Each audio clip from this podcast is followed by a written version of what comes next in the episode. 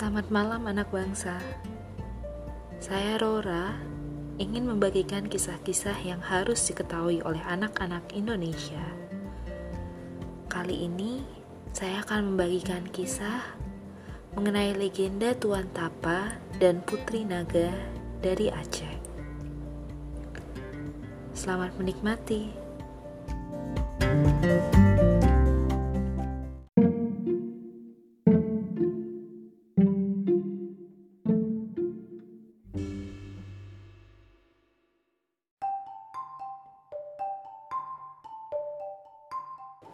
Alkisah pada zaman dahulu kala di bagian selatan Aceh hiduplah sepasang naga.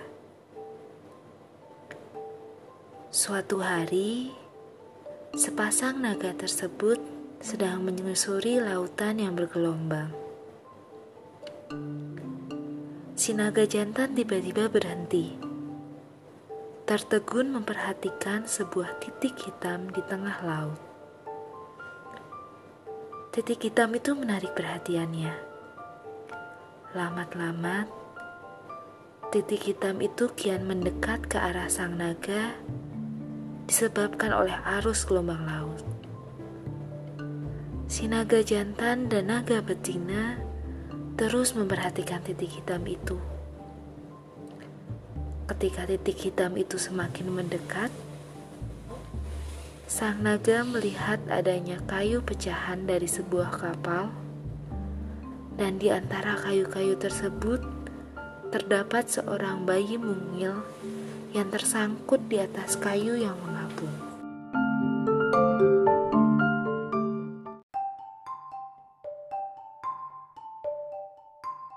Setelah puluhan kilometer naga berlalu, datanglah sebuah kapal yang sudah menyaksikan keelokan sang putri. Melihat cuaca mendukung, nakoda kapal pun segera menyandarkan kapalnya di dekat pulau itu, lalu membawa putri bungsu kabur berlayar. Setelah sang putri berlayar, naga betina merasa hatinya tidak nyaman ia pun memutuskan untuk segera kembali ke kediaman mereka. Bayi mungil ini terapung-apung dipermainkan ombak. Hingga akhirnya sepasang naga menolong dan mengasuhnya di sarang mereka. Sepasang naga itu juga akhirnya mengangkat sang bayi sebagai anak pungut dan memberinya nama Putri Bungsu. Sepasang naga sangat senang mendapatkan putri manusia. Dengan sukacita, sepasang naga mengasuh dan merawat si putri. Bahkan, naga betina selalu memeluk putri kecil itu dalam cengkramannya. Layaknya anak-anak, Putri bungsu, setelah sadar dari pisahannya, ketakutan dan menangis jadi-jadinya begitu melihat sosok naga yang menyeramkan. Walaupun sedih, sepasang naga berusaha agar putri bungsu tidak merasa ketakutan dan mau menerima mereka sebagai keluarga barunya. Seiring waktu, putri bungsu akhirnya menerima keadaannya dan bergaul dengan hangat dengan sepasang naga tersebut. Naga jantan menciptakan tempat permainan indah di gunung itu. Ada tempat pemandian, ada taman, tempat-tempat lainnya mulai memenuhi gunung itu agar putri bungsu suka dan tidak pergi dari mereka. Semuanya dilakukan agar putri bungsu memilih untuk tinggal bersama mereka. Sementara itu, waktu terus bergulir. Putri bungsu kini sudah beranjak remaja. Kedua ekor naga sangat memuji kecantikan putri bungsu. Matanya yang sipit, kulitnya yang putih, dan pembawaannya yang anggun membuat sepasang naga makin sayang pada putri bungsu. Mereka sangat memanjakan sang putri. Sementara itu, putri bungsu yang bertahun-tahun tinggal dan menetap mulai merasa tidak betah. Berkali-kali dia meminta pada sepasang naga agar diperkenankan untuk melihat daratan dan bertemu dengan orang-orang. Namun, sepasang naga tidak menyetujui. Dalam anggapan mereka, apabila si putri diizinkan keluar, tentu mereka akan ditinggalkan. Hingga pada suatu hari, putri bungsu bertekad untuk meninggalkan kediaman sepasang naga. Hari demi hari berlalu, putri bungsu merancang dengan matang dan pura-pura patuh pada aturan sang naga membuat sepasang naga yakin dan percaya bahwa si putri tidak akan meninggalkan mereka. Hal ini juga membuat sepasang naga semakin sering pergi mengarungi lautan dan meninggalkan putri bungsu sendiri di gua kediaman mereka.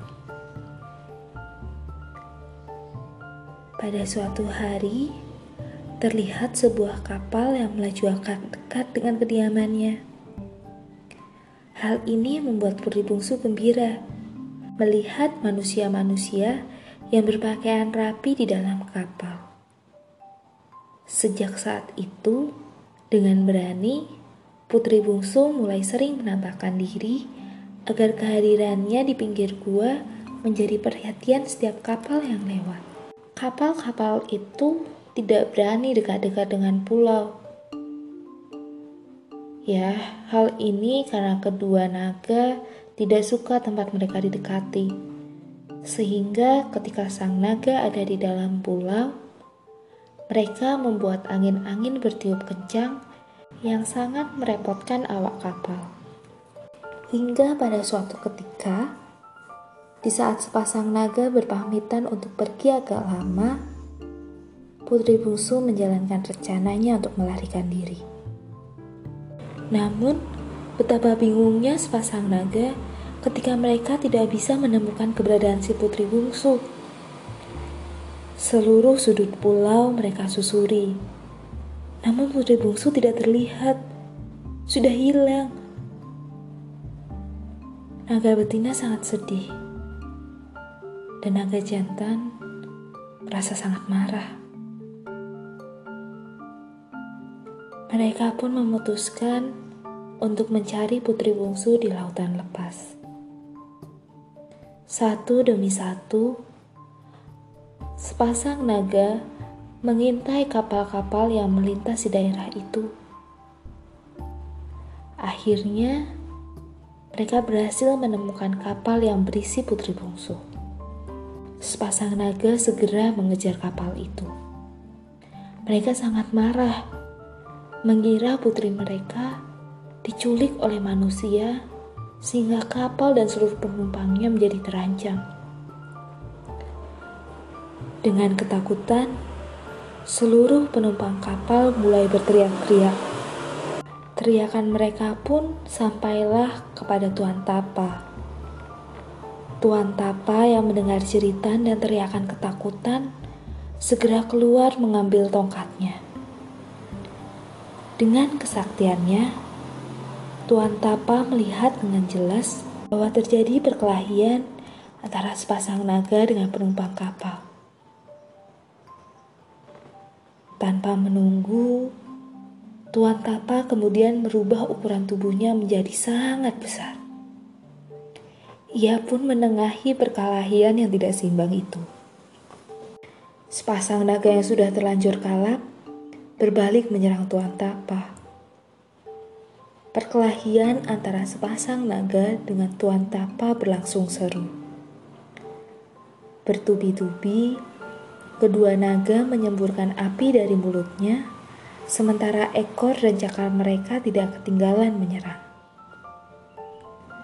Begitulah, berkat kesaktian dari Tuan Tapa, semua serangan sepasang naga berhasil diredam. Kibar perkelahian itu, pulau besar yang berada di tengah laut pun hancur dan kini terpisah-pisah menjadi 99 buah. Hingga pada suatu ketika, tongkat Tuan Tapa berhasil mengenai tubuh naga jantan sehingga hancur terberai. Darahnya memancar keluar. Sebagian terpencar ke bagian pesisir dan membeku, sementara hati dan jantungnya tercampak ke pesisir yang lain. Naga jantan mati dengan tubuh hancur. Melihat pasangannya mati, naga betina ketakutan lalu melarikan diri. Demi menghindar dari kematian, naga betina yang panik lari tanpa tujuan dan menabrak sebuah pulau lainnya sehingga pulau tersebut pecah menjadi dua. Menurut cerita, Sang putri akhirnya berhasil kabur dari naga dan pergi ke daratan Cina untuk menemui orang tuanya. Sisa-sisa pertempuran ini kini masih bisa kita lihat. Ada puluhan pulau yang sering disebut dengan Pulau Banyak di Kabupaten Aceh Singkil. Ada juga desa Batu Sirah, tempat di mana darah naga itu tumpah, dan desa Batu Hitam di mana jantungnya tercampak ke pesisir. Ada juga Pulau Dua yang terlihat seperti sebuah pulau di belah dua. Hasil tabrakan naga betina ketika ia kabur.